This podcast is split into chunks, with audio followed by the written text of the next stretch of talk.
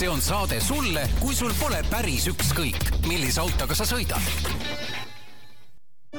auto vahetamine võib olla tükk tegemist, aga mitte ideaalautos. meie suures müügisalongis on esinduslik valik garantiilisi, vähekasutatud autosid. ideaalauto, kõik, mida vajad, on siin. autod, rehvivahetus, kakskümmend neli seitse autopesu, keretööd. Peterburi tee nelikümmend seitse C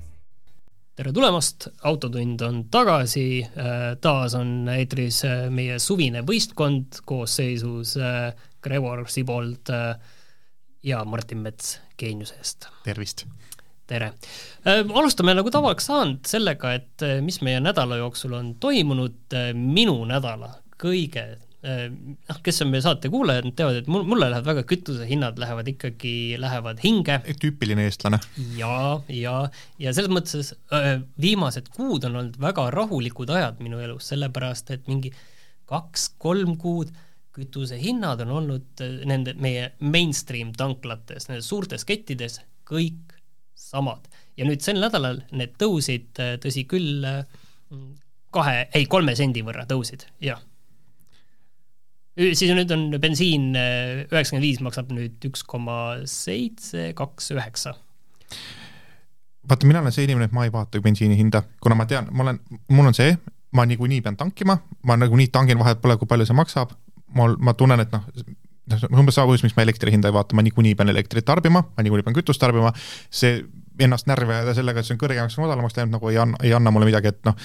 mul ei ole võimalik ajas tagasi minna ja eile tankida, kuna täna läks kallimaks, nii et ma mõtlen, mis ma ikka vahin seda. aga siin on ikkagi see asi, et kas sind see ei huvita, et see e, üks koma seitse kaks üheksa või siis diisli puhul üks koma viis kaks üheksa, et need hinnad niiviisi sekundi pealt üle Eesti igal pool e,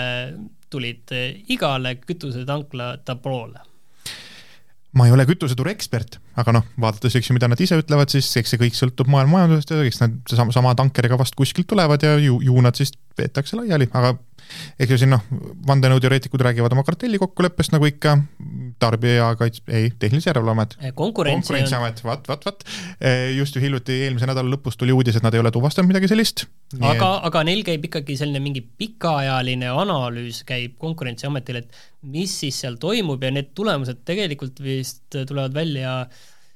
järgmine aasta alles millalgi, et siis näeme no, ma tahaks eeldada, et kui seal nagu on midagi, siis see oleks juba praegu suurema kella külge pandud, et kui noh, sa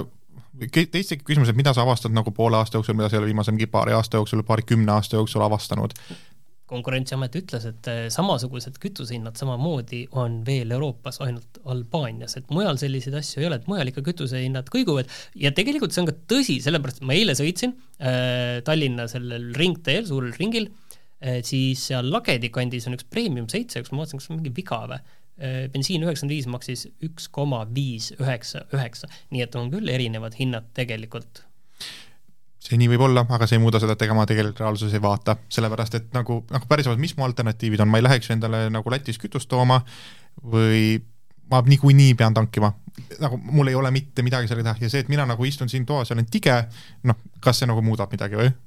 Mina ei tea, mulle meeldib niiviisi üksi kodus istudes tige olla, aga, aga tegelikult hea, et sa Lätist rääkisid, sellepärast et eh, mina lähen varsti ühele väiksele autosõidule, mis eh, lõuna poole siis Lätisse, Leetu ja Poola ja kusjuures väga huvitav on, iga riigi kaupa kütuse hind, üheksakümmend viis siis, kukub viis senti täpselt. et eh, Lätis on viis senti odavam kui Eestis, Leedus on viis senti odavam kui Lätis ja Poolas on viis senti odavam kui Leedus et kaugele, kaugele sa välja plaanid jõuda?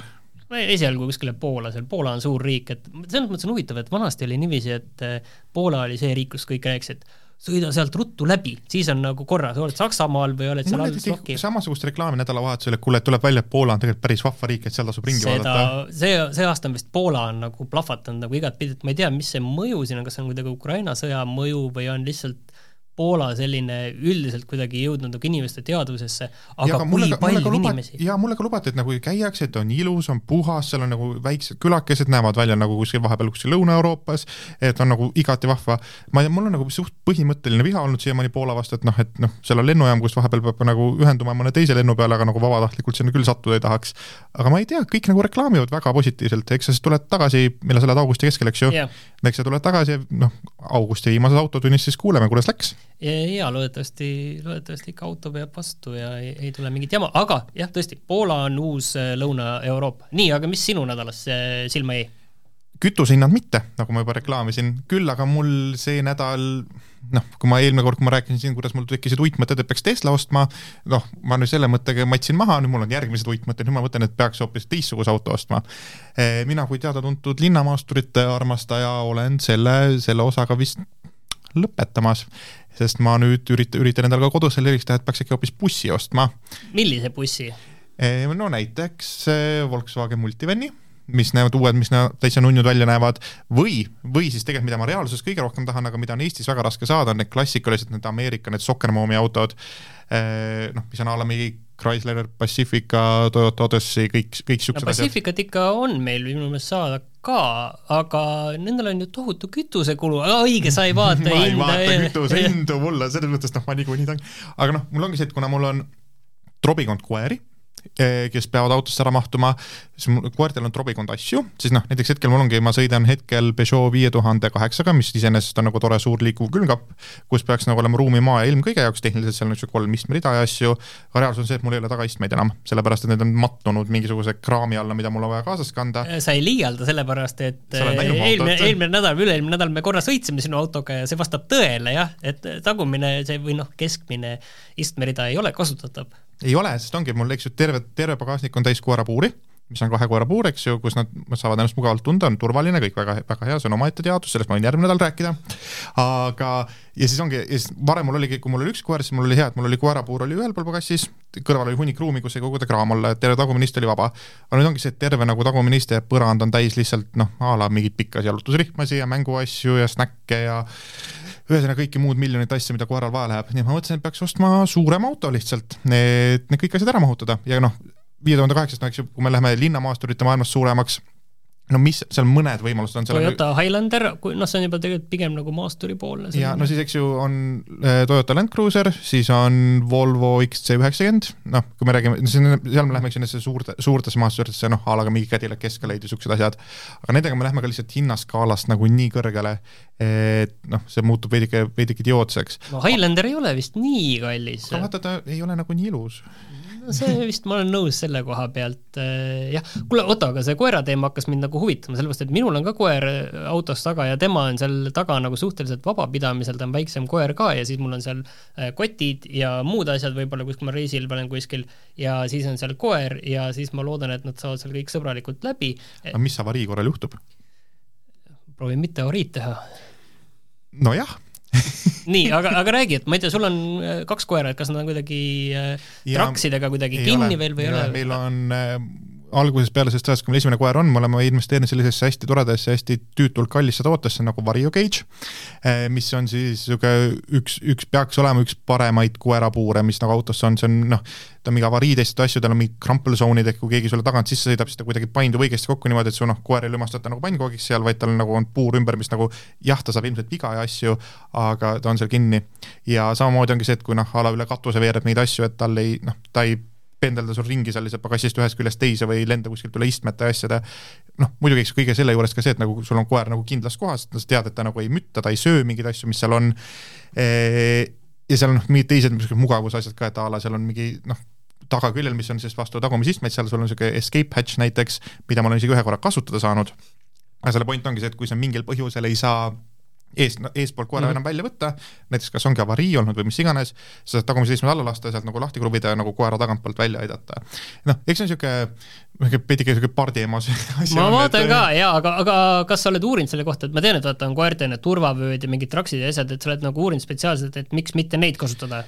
no see on, ta meil, kui meil esimene koer Kutsikas oli, siis ta tegelikult oli meil tagaistmel nagu turvavöö traksidega, aga noh, seal oligi see, et ta ikkagi tatsus ringi, pendeldas ringi seal nagu noh, libises, näha oli, et ta nagu ei tunne ennast nagu kõige mugavamalt seal. et kui ta seal oma puuris on, tal on nagu turvaline kindel koht, ta on hästi lihtne autosse panna, ta, ma tean, kus ta on, noh nüüd alguses meil oli ühe koera puur, nüüd meil on kahe oma, kuna noh, teine tuli ka juurde, nad peavad, mõlemad on väga turvalised seal, aga noh, lihtsalt selle ainuke häda on see, et A, varjukage on suht kallis,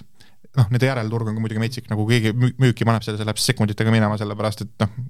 need, kes teavad, need teavad, sellepärast et see on hea toode, seda väga palju järelturul ei liigu ja, ja kuna ta on nagu suht kallis ostes, noh, ta on eks ju muidugi igikestev ja elukestev toode,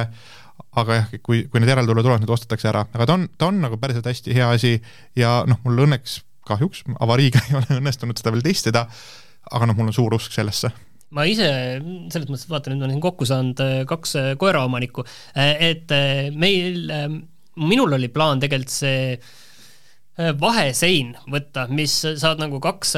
poolt nagu eraldada, et üks ongi nagu koera pool ja siis teine on nagu teine pool, aga siis see, noh, nad on natukene sellised universaalsed, natukene sellised automargipõhised, et mingid, mis on margipõhised, neid on, neid on nagu palju ja siis need universaalsed on niiviisi, et need on nagu mingid üldiselt täiesti kökatsed näevad välja ja siis on see, et kas see veel tegelikult ka sulle sobib ikkagi et... Va. Vario Cage'il on niisugune tore lehekülg, ma hetkel Martinile näitan oma sülearvutis seda, eh, kus sa põhimõtteliselt saad ükskõik mis mudeli järgi vaadata, paned automudeli sisse ja siis ta näitab sulle täpselt, millised eh, need puurid sinu autos sobivad, kuna seal on mingi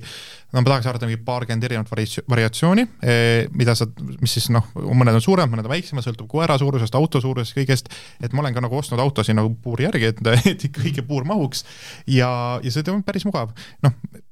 ma olen, olen üsnagi rahul sellega, et kui mulle esimese hooga elukaaslane väitis, et kuule, meil on vaja seda, ma vaatasin selle hinda, ütlesin, et nagu käi seenele, et noh,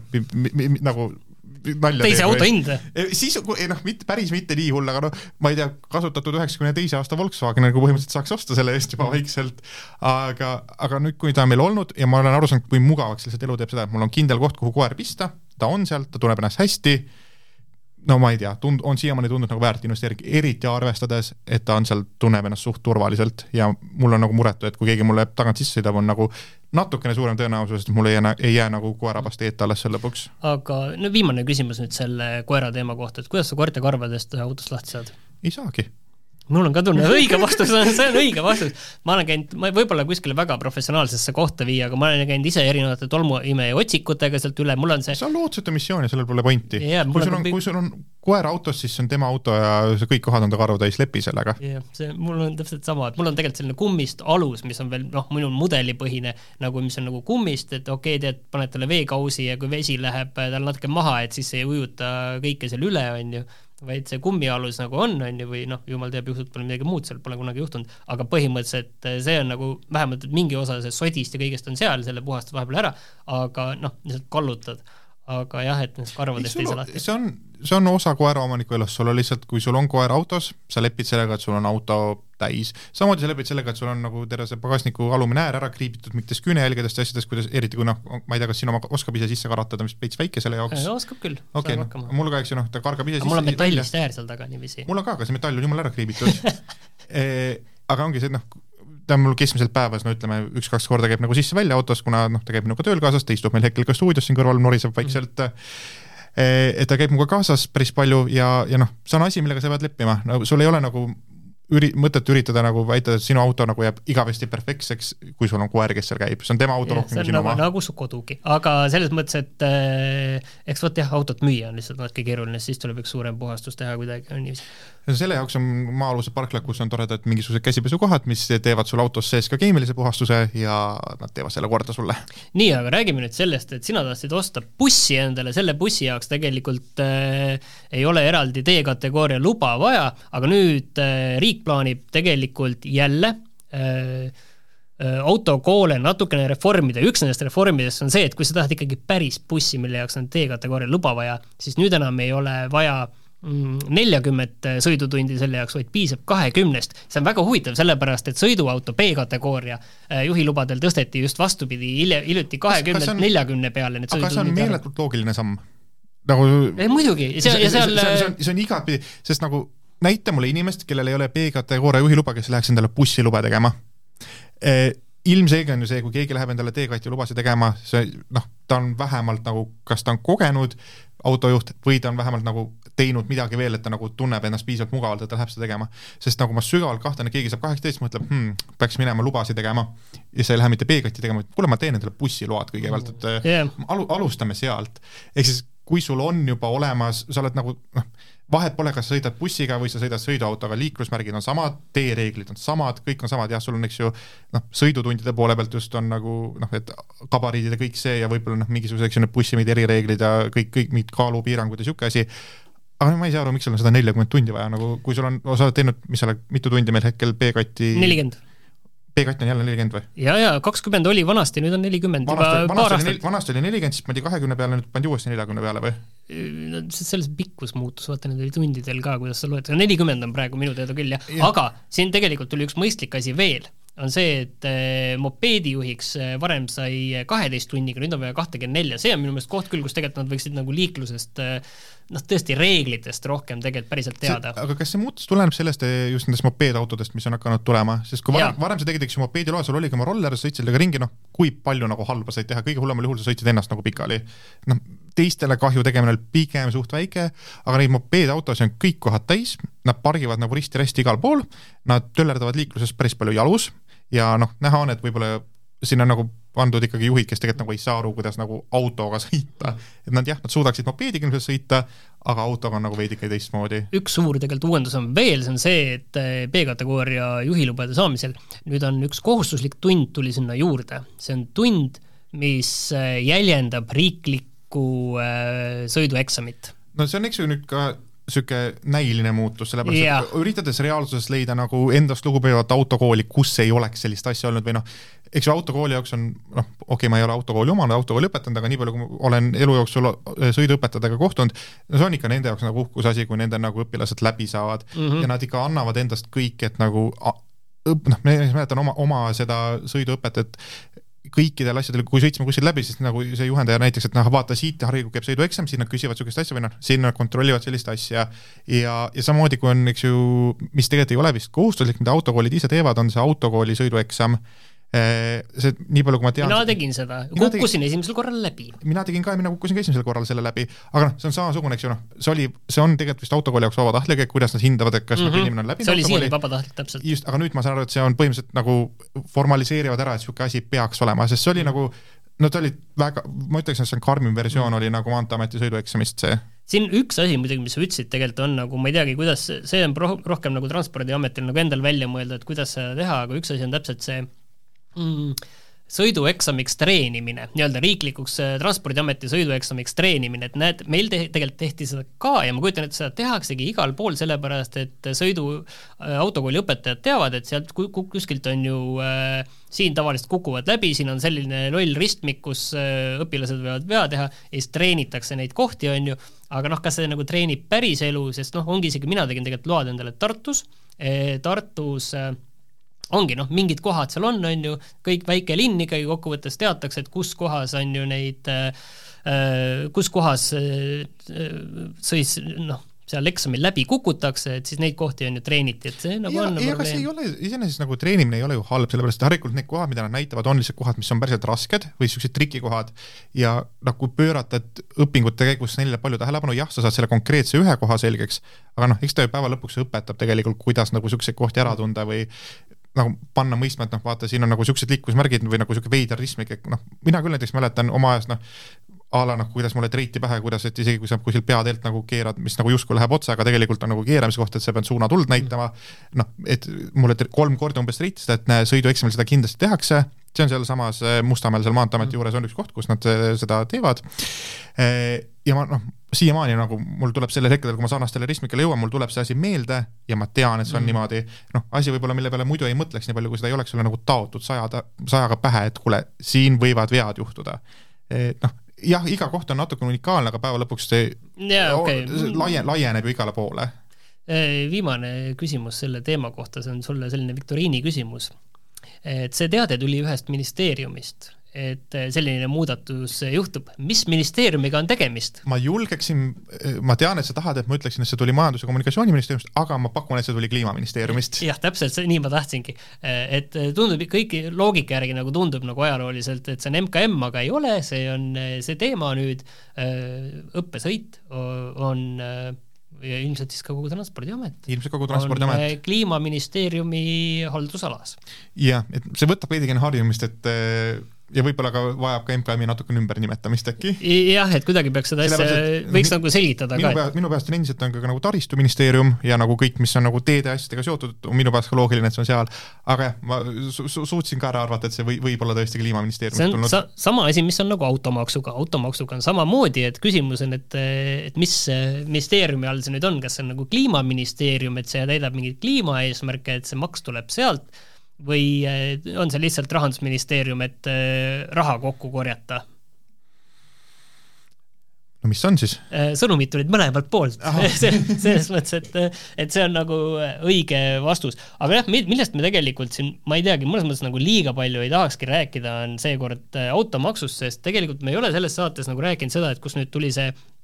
väljatöötamiskavatsus selle automaksu kohta, seal on kaks erinevat varianti, on laiem ja kitsam, kokkuvõttes nagu suurt vahet ei ole, et äh, kokkuvõttes sa maksad ikkagi auto registreerimisel, ütleme,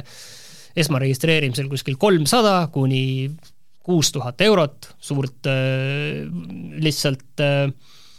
ja aastamaksu ka äh, kakssada eurot äh, kuskil keskmiselt ja, ja sellest on juba nüüd nagu nii palju nagu vahepeal räägitud, et ma ei teagi, et mis sinu mõtted seda, noh, ütleme, et tegelikult mis nagu kõige, minul nagu kõige selline suurem mure on võib-olla selle asjaga see, et noh, see kakssada eurot ja mõne auto puhul ütleme isegi sada eurot kuus, et tegelikult noh, see jaotub selle aasta peale ära, see ei ole suur raha. ütleme et Euribori tõus on palju paljud, noh, ma eeldan, et enamustel inimestel see on ikkagi pigem niisugune põhimõtte asi. et noh, mis mõttes, et varem pole olnud, nüüd kuidas siis on. aga noh, ma arvan, et see ongi täpselt ka selline asi nagu, nagu iga teine maks on, eks ju, et see nagu alguses paar aastat nagu lüüakse lärmi selle kohta ja järgmistel valimistel ilmselt see on nagu ka üks põhiteemasid, et me, et keegi tahab selle ära võtta, keegi tahab seda rohkemaks tõsta, keegi õigustab, keegi laidab, aga lõpus küll, noh, inimene harjub kõigega. aga, aga üks asi, üks asi, üks asi on see, et äh, nii-öelda need määrad, me praegu räägime, et jah, et keskmiselt kakssada eurot maksad aastas, määrad tegelikult ei ole seadusesse kirjutatud. Eh, määrad saab tegelikult siis eh, valitsuse määrusega eh, määrata iga aasta näiteks. Ja nagu igal pool mujal on olnud, siis tegelikult see alguses on automaks määratud ja siis see on aina aastate kaupa aina rohkem ja rohkem tõusnud, no Eestis muidugi, kuidas need tõusud ja asjad juhtuvad, on muidugi siis, kui toimuvad valimised keegi võidab ja siis pärast seda äh, tõstetakse mingeid makse ja siis, kui on kaks aastat valimisteni jäänud, siis enam keegi ühtegi maksu ega asja ei puutu, on ju, aga iga kord, kui on valimised ära olnud, siis on vaata raha ka vaja kõigi nende lubaduste jaoks, mis sa oled lubanud. ja siis on see, mul on küll nüüd see tunne, et see automaksust saab nüüd nagu see asi, mille eest hakatakse nagu iga kord, oi, meil on vaja jälle viiskümmend miljonit eurot juurde leida et äkki siis paneme seda automaksu juurde natukene no,. ilmselt see on nagu ka koht, kus on hästi hea mängida sellega, et jah, me, me tõstame nagu automaksu kahekordseks, aga me kaks korda langetame elektriautodel näiteks. E, ehk siis see on täpselt, et see on nagu koht, kus sul on hästi lihtne tegelikult argumenteerida, et jah, noh, päeva lõpuks noh, sa tead, eks ju, et sul ei osta terve Eesti, ei osta endale järsku elektriautosid selle peale, aga näiliselt sa saad tekitada selle olukorra, et e, noh, tuleb just tuleviku vaates, kui me räägime, ma ei tea, kümne aasta, kümne aasta vaatest, sa saad kogu aeg nagu elektriautodel natuke, natukene alla tõmmata või hakata isegi peale maksma üks hetk, aga samas sa nagu vanadele diiselpannidele lihtsalt kütad nagu peale, et lõpuks sa maksadki nagu ma ei tea, viis tonni aastas ja siis ongi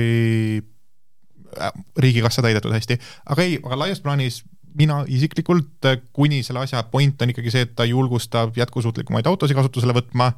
ja, ja võib-olla karistab veidike niisugust triostavamat poolt, no mul ei, mul ei ole, vaata, see ei ole nagu selge, selles mõttes, et ei ta, muidu, ei ta ei ole selge, aga ma, ma, ma olen, ma olen idealistlik inimene, ma lihtsalt räägin seda, kuidas, kuidas minu jaoks on nagu vastuvõtlik ja, või vastuvõetav, kuidas ma tunnen hästi sellega, et kuni seal on nagu mingi osa sees, mis seda poolt toetab, noh, mul, mul on raske öelda nagu, et, et ma vihkan seda kogu hingest, et noh, kunagi ei ole tore, kui keegi tuleb rohkem raha küsima. sa aga... ei vaata bensiini hinda ka, aga sellega seoses see näiteks Porsche Taycan on nagu hea näide, et tegelikult vaata, ma rääkisin sellest kitsast ja laiast maksust, on ju, inimestel läheb nüüd segaseks, mis asi see nagu on, et ühe puhul, selle kitsa puhul vaadatakse põhimõtteliselt sisuliselt ainult seda CO kahte ja näiteks võtame Porsche Taycani, siis on äh, tegelikult aastamaks Taycaniga oleks sul kolmkümmend eurot ja registreerimine kolmsada eurot, esmaregistreerimine. aga kui on see lai, seal laia sees on auto mass ja, ja mingid asjad veel, vanus ka niikuinii, aga noh, see registreerimisel ei loe, on ju, siis sa tegelikult maksaksid kakssada nelikümmend eurot. ehk umbes sama palju, kui tegelikult maksab äh, noh, ütleme Škoda Octavia omanik. isegi natuke rohkem maksaksid või noh, rohkem kui RAV4 omanik maksaksid sa. et siin ongi tegelikult see kitsas variant tegelikult on nüüd see, et tõesti meil oleksid nüüd elektriautod või ökomad autod ja lai on see, et noh, võtame kõigilt raha ja eriti, kui sa suudad endale kallist elektriautot osta, siis võtame sinult ka nagu korralikult. aga tead, mida sa pead tegema kalli elektriautoga vahepeal? noh? kui sa näiteks ütleme, kui sõidad WRC rallile veidike liiga kiiresti aa, sa pead rahunema natukene, sa pead rahunema natuke mm, -hmm. sest eh, politsei on tagasi toonud rahunemispeatused. Eh, just täpselt eh, WRC ralli ajal nad minu arust Tartu kandis testisid seda, ehk siis kes ei tea, rahunemispeatus on selline võib-olla veidigi uudne ja niisugune huvitav karistamise moodus. ta ei ole nii uudne, sest paar aastat tagasi Covidi ajal või enne, mingi saade isegi rääkisime sellest, et kuhu see kadus ja tuligi kohe pärast seda tuligi välja, et siis sind peetakse kinni ja nelikümmend viis minutit saad puhata. Just, et see ongi niisugune põhiliselt nagu, sa paned lapse nagu nurka, ütleme ühesõnaga, et äh, sa noh, ei anna tappa, vaid sa paned ta nurka, et ole korraks puhka. oota, aga üks, üks küsimus mul ikkagi tekkis sellega seoses. kas, okei okay,, ütleme, et ma sõidan äh, pluss kümme ja mind pannakse rahunemispeatusesse, kas siis äh, minu ainus karistus on see nelikümmend viis minutit rahunemine või ma saan ka trahvi, kas mind, kas see on no, nagu liitkaristus? ma arvan, et kui see on piisavalt väike asi, siis see pigem ikkagi on see rahu, see olemine lihtsalt on see. Mulle tundub ka, et muidu on selline liitkaristus, et ja aga noh, selle, selle point ju tegelikult ei olegi nagu võib-olla nagu nii väga haiget teha, kui on nagu trahvipoint, vaid pigem see ongi see, et lihtsalt kuule, hinga korraks, mõtle noh, ja saa aru, et nagu tekitada see arusaam, et kui sa kiirustad, sa võib-olla jõuad hoopis hiljem lõpuks. jah, see on pigem see point, et, et kiiresti sõites tegelikult sul läheb äh, kauem aega, et sihtkohta jõuda. iseenesest ma arvan, et see on nagu üsnagi hea asi, ma nagu, mulle väga meeldivad niisugused alternatiivsed lähenemised, noh et noh, et ärme nagu löö haamriga, vaid nagu võtame nagu rahulikult, nagu nügime õigesse suunda, sest noh, päeva lõpuks, kui see, keegi ületab kümme kilomeetrit tunnis kiirust, noh, ta ei ole, eks ju, nagu just maailma kõige suurem huligaan, eh, noh, eks ju, ta rahatrahv ei ole meeletult suur, noh, eks ju oota, see on siis eh, tegelikult kui sa pluss kümme lähed tegelikult, siis sul on ju rahatrahv eh, viis eurot kilomeeter, ehk siis viiskümmend eurot on vist just, noh, no eks ta veits on, eks ju, aga noh, see ei ole nagu noh, see ei oleks nagu Soome tasemel trahv, mis on, kus on sissetulekupõhised, nagu inimesed nagu mitukümmend tuhat eurot trahvi saavad, mis nagu no mis paneb nagu, tekitab suure hirmu, et nagu süke... kas sulle selline asi meeldiks? ei meeldiks. minule ka ei meeldiks, sellepärast et minule tegelikult karistust, minu meelest karistust ei tohiks diferentseerida selliste asjade järgi, noh, ma ütlen, minu meelest me võiksime lihtsalt minna ühe sammu edasi ja, ja öelda seda, et, et noh, rikkal ja vaesel inimesel, ütleme, mõrva eest oleks ka erinev karistus vastavalt sissetulekule, et see kõlab nagu vaata nii jaburalt, on ju, aga samas, miks me nagu seal teeme siis seda? just, aga ei, aga noh, mulle hästi meeldib ka see mõte, et see nagu võib-olla noh, veidikene viisakamalt ja sõbralikumalt nagu tutistad põhimõtteliselt nagu veidike niisugust, mitte ta ei ole kurjategija, ta on väärtegija, et noh, noh, ma ei tea, ma tahaks eeldada, et nagu üritada maantee peal leida inimest, kes on nõus nagu viiskümmend eurot kämbeldama, no neid ilmselt on, aga inimesed, kes oleks nõus nagu tund aega kämbeldama, kui neil kiire on. jah, see on, see on küll, aga mul on tunne, et miks seda asja nagu väga palju ei kasutata, on see, et siin teistpidi seda politsei ressurssi selle asja peale läheb nagu mul on tunne, et rohkem kui see, kui lihtsalt äh, keegi on äh, selle kiirusemõõtjaga kuskil teeservas ja mõõdab kiirust. ja eks, eks see paneb, eks ju, politsei veidike lapsehoidja rolli sinna, et noh, istu, istub ja vaatab kurja näoga nüüd, et kuule noh, istu nüüd siin. aga noh, niisugune suur üritus ajal näiteks, kui nad anyway peavad seal, on tee ääred on politseinikke täis, nad peavad seal olema, no ma arvan, et see on küll väga hea ja eriti nagu noh, WRC puhul näiteks inimesed tahavadki, eks ju, kindlasti etapile jõuda, kui nad teavad, et seda, kui nad kiir, mm -hmm. liiga kiirustavad, nad ei jõua sellele mitte kuidagi või noh, nad suurendavad riski, et nad ei jõua. ma arvan, et see töötab tegelikult päris hästi. ma arvan ka, jah. ma arvan, et see on tore ja ma arvan, et see on kindlasti asi, mida võiks nagu just, ongi üritused, sellised asjad, kui sul on nagu ressu-, inimressurss seal väljas, et, et taltsutada seda kõike, see on niisugune väga hea asi, sest noh, mis vahet sellega, sa niikuinii kuskile mujale ei lähe. Ühest asjast tahtsime veel rääkida ja see kuidagi kadus nüüd siin erinevate teemade vahel ära, sest see tegelikult väga hästi sellega seostub nii Kliimaministeeriumiga ja automaksuga, on see, et et millest me rääkisime ka paar saadet tagasi, et inimestel on vanad autod kuskil kirjas, need võivad olla isegi romud, mis on neil hoovi peal, need võivad olla romud, mis neil enam ei ole hoovi peal, et enne seda, kui nüüd automaks tuleb, tuleb siis järgmise aasta esimesest juulist ma tahaks näha neid kõiki IT-arendusi, mis selleks ajaks on teha ja ma tahaksin teada, palju need IT-arendused maksma lähevad. et see on kindlasti üks huvitav äh, pool selles asjas ja kas tõesti ka jõutakse sellega valmis, aga see selleks, et nüüd neid romusid äh, vähemalt kliimaminister Kristen Michal on lubanud, et saab lihtsamini arvelt maha võtta, et tulevad mingid kampaaniad. Ja see mulle tegelikult väga meeldib tegelikult, et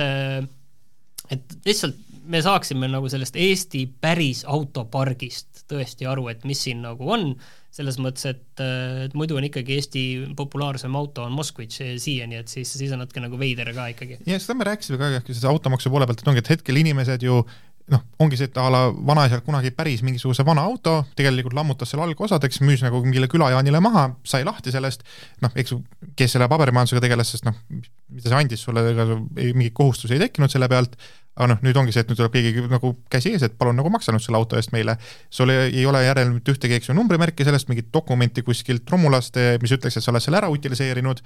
no mida sa teed, sul ei olegi põhimõtteliselt mm. mitte midagi teha, et sa nagu pead kellegi nagu heale tahtmisele lootma. Aga noh, nüüd see uus süsteem, et nagu lihtsustatud korras maha võtta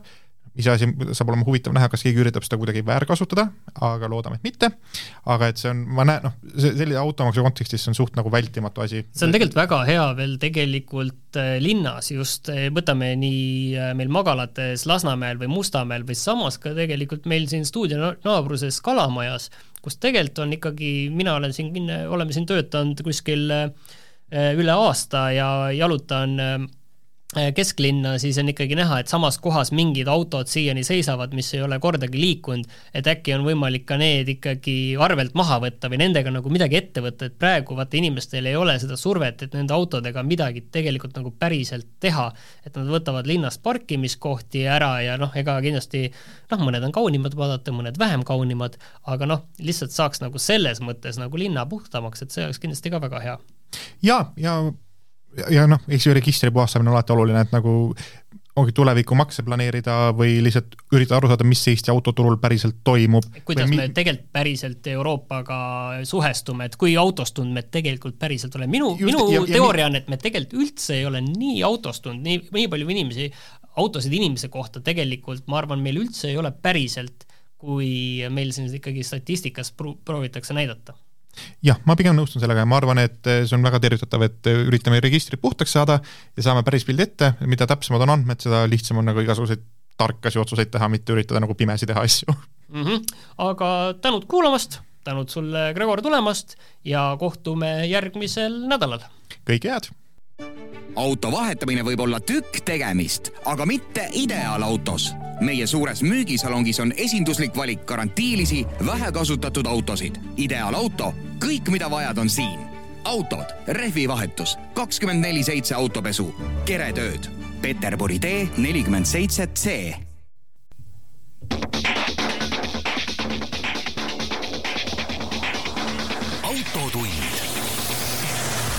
see on saade sulle, kui sul pole päris ükskõik, millise autoga sa sõidad